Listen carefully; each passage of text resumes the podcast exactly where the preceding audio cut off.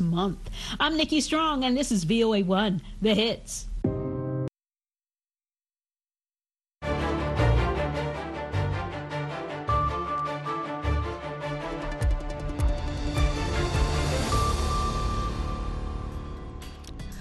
Halkani waa washington laanta afka soomaaliga idaacadda v o eedah oo si toosa aad uga dhagaysanaysaan mawjadaha gaagaaban efemyada geeska afrika iyo caalamka oo dhan ood nagala socotaan boggeena internetka ee v o a somaali com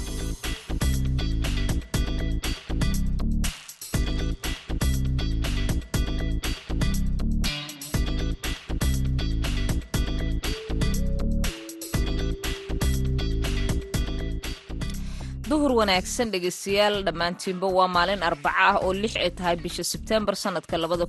iyo labaatanka. Afrikada bari saacaddu waxa ay tilmaamaysaa kowda iyo barkii duhurnimo. Idaacadda duhurnimo ee barnaamijka dhallinyarada maantana waxaa idinla socodsiin doonta anigoo ah sahra cabdi axmed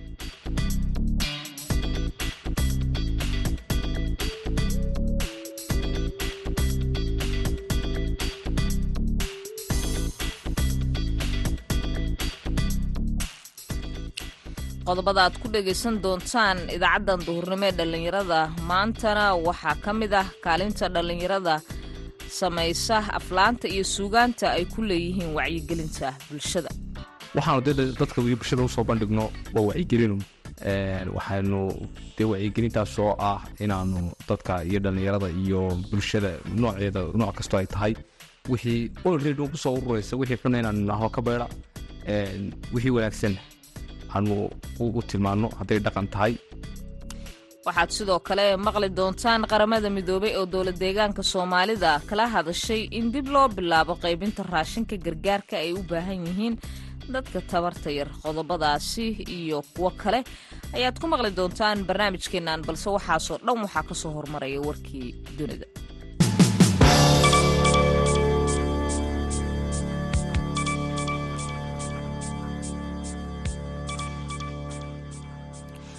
xogayaha arrimaha dibadda maraykanka antony bilikan ayaa booqasho aan la shaacinin wuxuu ku tegay kiyef talaadadii shalayto si uu ula hadlo madaxda ukrein ugalana hadla xaaladda dagaal ee milatari ee dalkaasi uu ku jiro iyo sidii sidoo kaleeto dadaallo dibudhisa dalkaasi loogu sameyn lahaa wasaaradda arrimaha dibadda ayaa sheegtay in bilikan uu la kulmi doono madaxweynaha wadankaasi valadimir salanski iyo ra'iisul wasaaraha halkaasi denis shamhel iyo wasiirka arrimaha dibadda ee dalkaasi dimitro kubelo bilikan ayaa sidoo kaleeto waxaa la filayaa inuu ku dhawaaqo in in ka badan hal bilyan oo dollar oo cusub oo la siinaya ah ciidamada ukrain si markaasi maraykanka taageeradiisa uu sii wado. Sarkaal sare oo ka tirsan wasaaradda arrimaha dibadda ee maraykanka ayaa u sheegay warfidyeennada in maraykanka taageeradiisa uu sii wadi doono. Inta laga xaqiijinayo in ciidamada ukrain ay ka heleen waxyaabihii ay u baahnaayeen oo dhan asunsiki oo ah hogaamiyihii xabsiga loo taxaabay ee dowladii rayidka aheeda mayamar ayaa lagu soo waramayaa in xaaladeeda caafimaad ay aad u liidato. Waxaana loo diiday sida la sheegay daryeelka caafimaadka deg dega ah ee u baahneyd kaasi oo is-hortaag uu ku sameeyey sida la leeyahay maamulka milatariga ee talada haya dalkaasi ilaa qarsoon oo arrinkaasi la socday ayaa u sheegay wakaalada wararka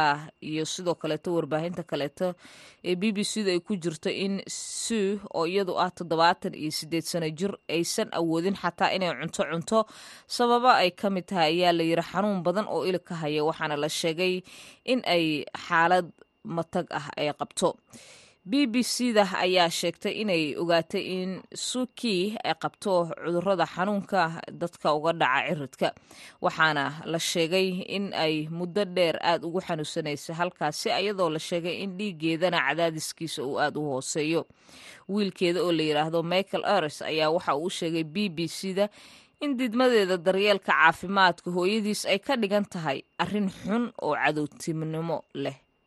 Warkii dunidana waa naga intaa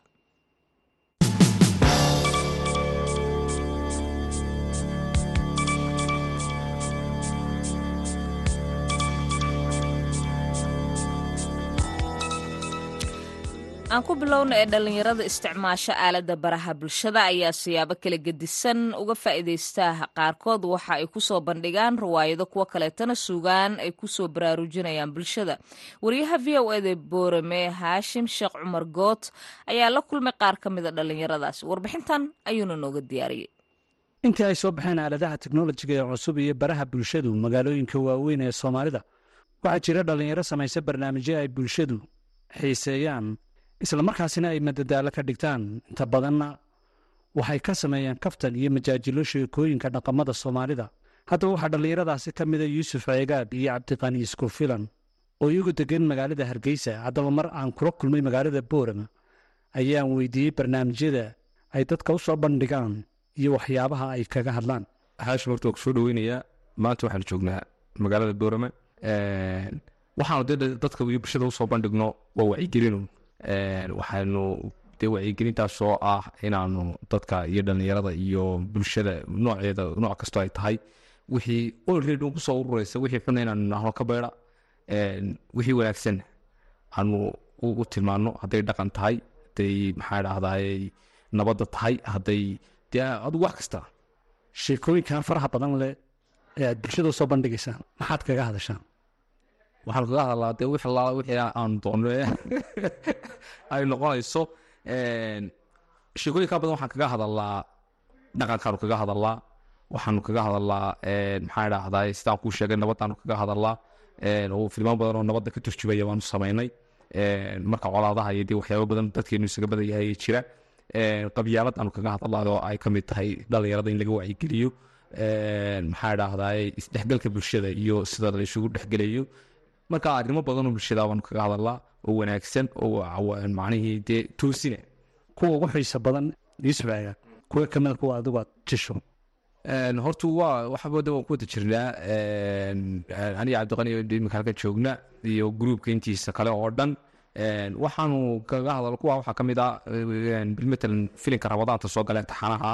oo waxyaabo badan taabanaya oo isku dhex jira oo mid yar iyo mid weynba uu iska dhex arkayo qofku uu sheekada inuu iska dhex arkaa baa muhiima majaajilada iyo qoostintuna wacyigelintaasu bay ku sii dhex jirtaa. Qof dee isaga arki karaa wuu jiri karaa macnihii qosol qosol isaga arki karaa laakiin se maaha qosol anigu ugama jeedno. Waxaan uga jeednaa wixii inay wacyigelin noqoto in wax lagu qaato inay qofkii toosiso inuu qofkii iska dhex arko yidhahdo wallahi waxaas waana khalad taasina waa sax. Ma abwaan baad ahayd majaajiladan iyo waxaan halkaad ka keentay? Marka yuusuf ceegaag aan su'aashaa ku weydiiyo. Wallaahi dee kolley awaanimadu awaanimadu ma noqonayso dee in hees iyo gabay un la sameeyo qofku waa inuu wax curiyo dee curintii kolley qayb ma odhanaya abwaan baan ahay laakiinse dee curintiina kuwana anagun curinay oo keenay oo samaynay dee meel kalena kama keenina dee iyadii ugu jirtuun baan arko deetana waa soo bandhigo bulshadun baan u soo bandhig. Waxaa isaguna halkan ku sugan cabdiqani isku filan oo barnaamijka inoogu martay. Cabdiqani goormay kugu dhalatay inaad riwaayadahan iyo majaajiladan iyo madadaaladan aad samayso oo adiga saaxiibkaa soo bandhigtaan ugu horreyntii waan ku dhowahay idaacadda v o eda sidoo kale booramana waan ku dhownahay waad mahadsan tahay. De waxay igu dhalatay horto de waa iska qosli jiray weligeyba waxaan maxamed ha waxaanan waxaana si toosa ugu soo beeray labada kun iyo shan tobankii barnaamijka somaliland gotalet la oran jiray tvga qaranku qabtay ayaan kaga soo qayb galay. Dhowr meeloodna waan ka sheegay. Dee halkaasaan ka soo bilaaba riwaayadaha iyo barnaamijyada aad matasho inta badan caanka aad ku noqotay kuwe ka mida runaanti way badan yihiin waxaanu samaynay waxaa ka mid ah filmaan badan oo rabadaan ka socda oo aanu ka samayno tvga universal t v qeybtiisa somaliland hargeysa. Filinkaasoo taxana ah oo rabadaan kasta soddonka xalqadood soddonka cisho soddon xalqadood aan u samayno kuwaasaa ka mid ah filimada noocaas oo kalea iyo barnaamijyada noocaas ee dhalinyarada iyo bulshada u soo bandhigtaan. Ma idinka alifa mise abwaanin kale alifto idinku waad shishaan qaar anagu alifno iyo qaar abwaaniin kale alifaanba way jiraan. Kuwaasi waxay ahaayeen yuusuf ceegaab iyo cabdiqani isku filan dhallinyarada inta badan ka sameeya sheekooyinka kolba ka jira magaalooyinka iyo bulshada dhexdeeda. Sheekooyin la xidhiidha matadaalo iyo waxyaabaha qosolka leh. Iyo sidoo kale filimada dhinaca wacyigelinta ee ku nool somalilan haashim sheekh cumar good v o a boorama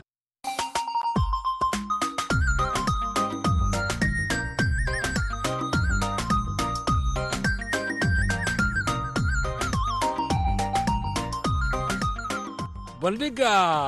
v o a. barnaamijka bandhiga v o a waa barnaamij idinku tala gashay laanta af soomaaliga ee v o a bandhigga v o a waxaad khamiis walba kaga bogan kartaa qormooyin kala duwan oo la xidhiidha taariikhda iyo aqoonta guud dhaqaalaha sharciga iyo samafalka.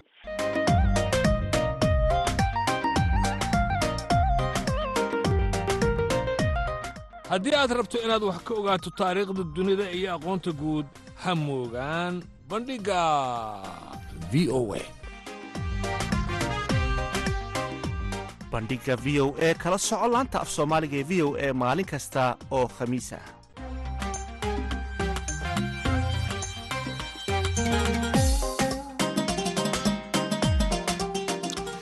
waa tahay markana dhegaystayaal aan ku wada yarnasanno mid ka mida heesiya aan idinkugu talagalnay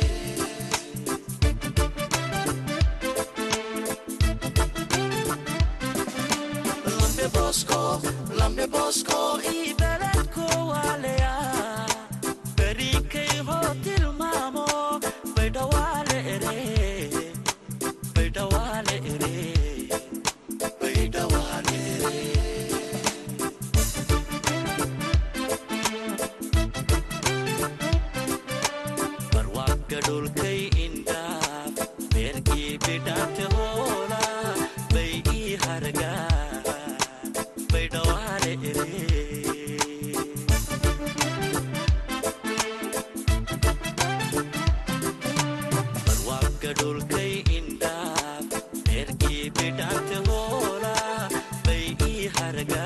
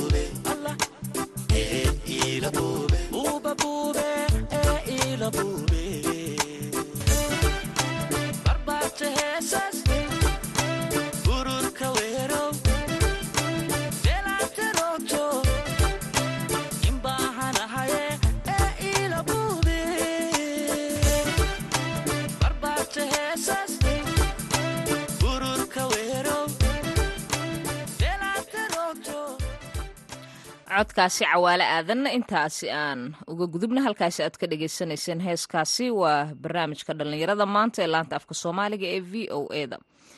markana jigjiga wafdi ka socda qaramada midoobay ayaa shalay magaalada jigjiga ee dowlad deegaanka soomaalida ethoobiya kula kulmay. Madaxda halkaasi kuwaasi oo ay ka arinsadeen arrimaha gargaarka bini'aadanimo ee ay u baahan yihiin bulshada deegaankaasi. Maxamed cabdiraxmaan gaata ayaa warbixintan soo diray wafdigan oo hogaaminayay kaaliyaha xogeyaha guud ee qaramada midoobey ahna iskuduwaha arrimaha biniaadantinimada ee etoobiya dor ramis alagrof oo ay wehelinayeen mas'uuliyiinta hay'adaha kale ah unisef unscr un women oja un dss un f b a faw iyo mas'uuliyiin kale oo ka socda hay'ado kale ayaa markii ay soo gaareen xarunta dowladdeegaanka soomaalida. Waxa ay kulan la qaateen madaxweynaha dowladdeegaanka soomaalida mustafa maxamed cumar iyo qaar ka mid a mas'uuliyiinta dowladda waxaana kulankan looga hadlay sida ugu habboon ay uga qayb qaadan lahaayeen hay'adahani qorshayaasha dhanka horumarka ay wado xukuumadda deegaanka soomaalida ee dhinacyada waxbarashada caafimaadka biyaha tamarta wax soo saarka beeraha dhisidda kaabayaasha dhaqaale iyadoo arrimaha kale ee kulankan looga hadlay ay ka mid ahaayeen sidii loo xoojin lahaa howlaha gargaarka bini'aadantinimada iyadoo mudnaanta la siinayo sidii dib loogu bilaabi lahaa raashinka gargaarka ah ee horey loo joojiyey. Haddaba markii uu kulankani soo dhammaaday waxaa warbaahinta la hadlay wasiirka xafiiska maareynta khataraha musiibooyinka dowladdeegaanka soomaalida axmed yaasiin sheekh ibraahim oo faahfaahin ka bixiyey wafdigani ujeeddada u yimaadeen deegaanka iyo waxyaabaha wada hadleen waxa uuna yidhi ujeeddada ay u yimaadeen halka waxay ahayd kow inuu marka hore bal isagu soo arko deegaanada kala duwan ee etoobiya inuu soo arko. Waxay ahayd marka deegaanka soomaalida wuxuu ahaa deegaanka ugu horreeyey ee uu booqday ahayd.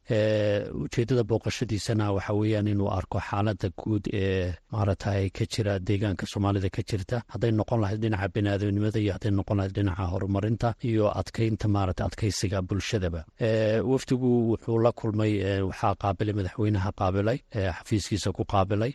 waxaana laga wada hadlay arrimo badan oo ay ugu horeyso arrimaha biniaadamnimada iyo sidii dib loogu bilaabi lahaa raashimadii maaragtay la joojiyey gargaarka sidii dib loogu bilaabi lahaa. Waxaa kaloo laga wada hadlay sidii jamciyadda qurumaha ka dhexaysa iyo hay'adaha caalamigu ay qayb uga noqon lahaayeen barnaamijyada iyo istiraatiijiyadaha horumarineed ee dowladda deegaanku ay hirgelisay. Sida haddaba noolal waarta u helidda dadka barakacayaasha ah oo dhowr sano ka hor la sameeyey iyo mashruucii horumarinta ee shanta sano ahaa isaguna bishii juulaay maaragtay lagu dhawaaqay si dadaalada noocaasa sidii loogu heli lahaa maalgelin loogu heli lahaa sidii ay kaalin uga qaadan lahaayeen qaramada midoobey iyo hay'adaha kale ee maaragtay deeqaha bixiyaba sidii ay kaalin uga qaadan lahaayeen. Arrimahaasoo dhan baa laisla rogrogay waxa uu warbixin buuxda ka siiyey madaxweynuhu xaaladda deegaanka ee nabadgelyadu sida ay tahay dowladdu sida ay maarata uga shaqaynayso arrimaha horumarka iyo ka hortaga waxyeelada maaragtay isbeddelka cimilada arrimahaasoo dhan baa laisla rogrogay. Waxaan rajaynaynaa haddii ilaah yidhaahdo in maarata booqashadan ay wax ka bedeli doonto waxqabadkii hay'adaha united nationka iyo guud hay'adaha caalamka. Haddaba waxaa xusid mudan in muddo laga joogo afar bilood ee hay'adda gargaarka maraykanka u s aid iyo w f p ay joojiyeen gargaarkii biniaadantinimada. Kadib markii ay ku eedeeyeen dowladda etoobiya in gargaarkaasi uuna gaarin dadkii loogu talagalay islamarkaana uu galay gacan kale sidaa darteedna ay joojiyeen gargaarkii raashinka waxaana tan iyo wakhtigaasi socday wadahadallo sidii markaasi dib loogu bilaabi lahaa gargaarka maadaama etoobiya ay ka mid tahay waddamada safka hore ee iyagu ka faa'iidaysta gargaarkaasi waxaana kowdii bishani sebtembar ay si wada jira u soo saareen heshiis dowladda etoobiya iyo madaxda sare ee hay'adaha u-n-ka kaasoo dib loogu bilaabayo gargaarka ayaa imaatinka deegaanka mas'uuliyiintan uu hogaaminayo kaaliyaha xogayaha guud ee qaramada midoobey ahna iskuduwaha arrimaha bini'aadantinimada etoobiya dor ramis alakbrof uu qayb ka yahay dadaaladaasi markaasi loogu kulagelayo xaaladda bini'aadantinimada ee deegaanka iyo sidoo kale sidii dib loogu bilaabi lahaa gargaarkii bini'aadantinimada ee dhanka raashinka ee hadda ka hor la joojiyey maadaama deegaanka soomaalida ay ku sugan yihiin dad fara badan oo barakacyaal ah kuwaasoo ku soo barakacay musiibooyin dabiici ah iyo kuwo dad samee ah. Maxamed cabdiraxmaan gaata v o a magaalada jigjiga waa tahay mahadsanid maxamed cabdiraxmaan gaata. Markana dhinacii ciyaaraha waa kan maxamuud mascade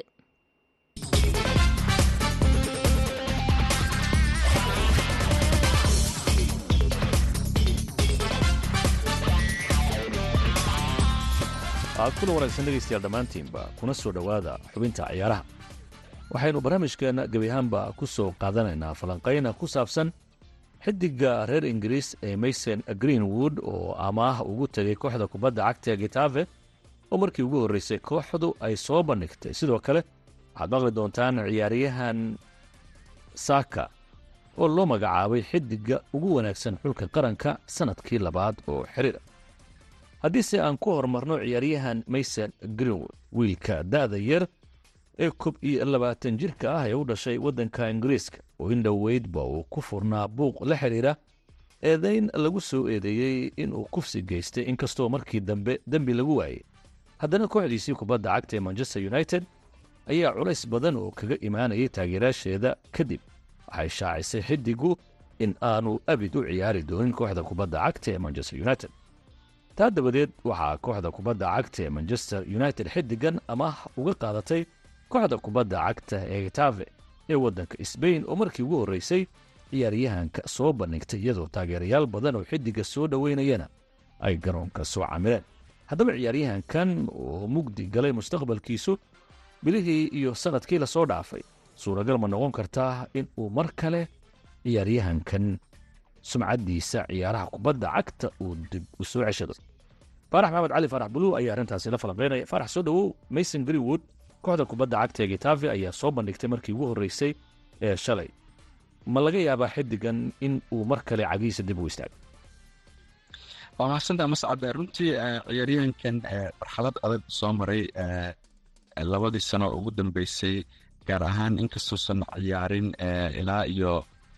bishii january sannadkii hore oo xitaa mararka qaarkoodna la sheegay inuusan xitaa alaminteen haddana waxaa muuqata maadaama uu fursad ka helay horyaalka laliigaha spain da-diisuna ay yartahay inuu runtii ka soo kabsado maxaa la yidhaahdaa dhibaatooyinkii uu soo maray. Waayo ciyaaryahankani markaa da-diisa fiirsid iyo xirfadiisaba iyo sidoo kale inuu hal koox oon kaliya weligiis u soo ciyaaray. Haddana niyad wanaaggii maanta ay taageerayaasha gatefa u muujiyaan waxaan is leeyahay in niyadiisa iyo maaragtay iyo maxaa la yidhaahdaa xirfadiisu intaba ay ka soo kabsan karaan. Inkastoo aanan rajo ka qabin ama aan la dhihi karin in manchester united uu dib ugu soo noqdo maadaama ay iska fasaxday. Waa gartay. Xiddigan waxaa la tilmaamaa in uu ka mid ah xudigaha da-da yar ee dunida ugu wanaagsan xilligii la soo eedeeyey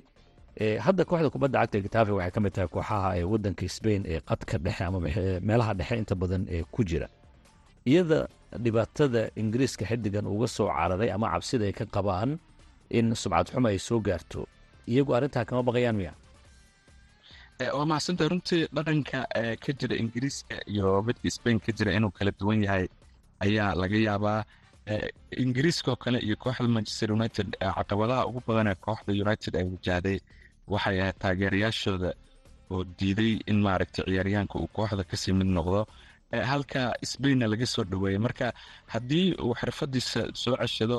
iyo magaciisa waxaa muuqata runtii inuu uu ka soo kabsan karo. Saasoo tahana waa adigii sheegay in ciyaaryahankan aadeyntii hore ay maxkamadi kuwiisa wax dembi ah. Marka waxaa las dhihi karaa fursadahaasoo dhan la soo ka faa'iidaysanaya iyo fursaduu sbain ka helaba in runtii uu dib u soo sheengareeyo ama dib uu ciyaaryahankaas mustaqbalkiisa u soo iftiimiyo waxaa dhici karta xataa in haddii ciyaaryahankani uu maaragtay uu ka soo kabsado dhibkii soo gaaray waxaa laga yaabaa xataa manchester haduusa fursad ka helin in xulka qaranka ingiriiska uu fursad ka helo waa wax dhici kara. Waa tahay dhinaca kale haddaynu aadno xulka qaranka ingiriiska ayaad soo hadal qaaday ciyaaryahan saaka weeraryahanka kooxda kubadda cagta arsenal iyo xulka qaranka ingiriiska ayaa sannadkii labaad oo xiriira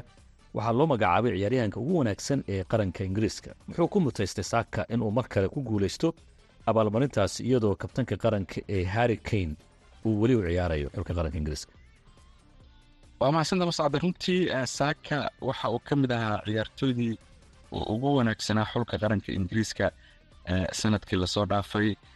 gaar ahaan wacdarihii uu ka dhigay koobkii adduunka ee bishii disembar qadar ka dhacay iyadoon ognahay inuu weliba saddex gool dhaliyey maaragtay dadka qaarna ay ku eedeeyaan tababaraha ingiriiska bedelkii uu ku sameeyey ciyaartii faransiiska oo runtii ay ka cabsanayeen xulka uu ciyaarayay markii asaga la bixiyey kabacdina laga dhaliyay goolka guusha. Waxaa muuqatay runtii inuu runtii sanadkaas uu aad iyo aad xirfadiisa kor ugu soo qaaday saddex gool dhaliyey weliba sidoo kale hatrigi ugu horrey ama saddexdii goolo ugu horreysay uu sannadkii la soo dhaafay xulka macedonia bishii juun ka dhaliyey waan runtii ciyaaryahan da'yar oo sanadkiisii labiyo labaatanaad hadda u dabaaldegay marka waxyaabahaasoo dhan uu ku mutaystay inuu ka ahaa weerarka ingiriiska nin laga cabsado oo ciyaartuu ciyaara runtii ay maaragtay ay ingiriisku ku xisaabtamayaan guul ama inay maaragtay iska dhiciyaan kooxda ka soo horjeeda. Marka wuxuu ahaa lafdhabar xulka qaranka ka tirsan iyo kooxda arsenalba waa tahay faarax maxamed cali aad baad u mahadsan tahay dhegeystayaal xubinteena ciyaaraha intaan ku soo gabagabayna intaynu mar kale dib u kulmi doono. Waa bas cadde iyo faarax oo idinku dhaafaya sidaa iyo nabadgelyo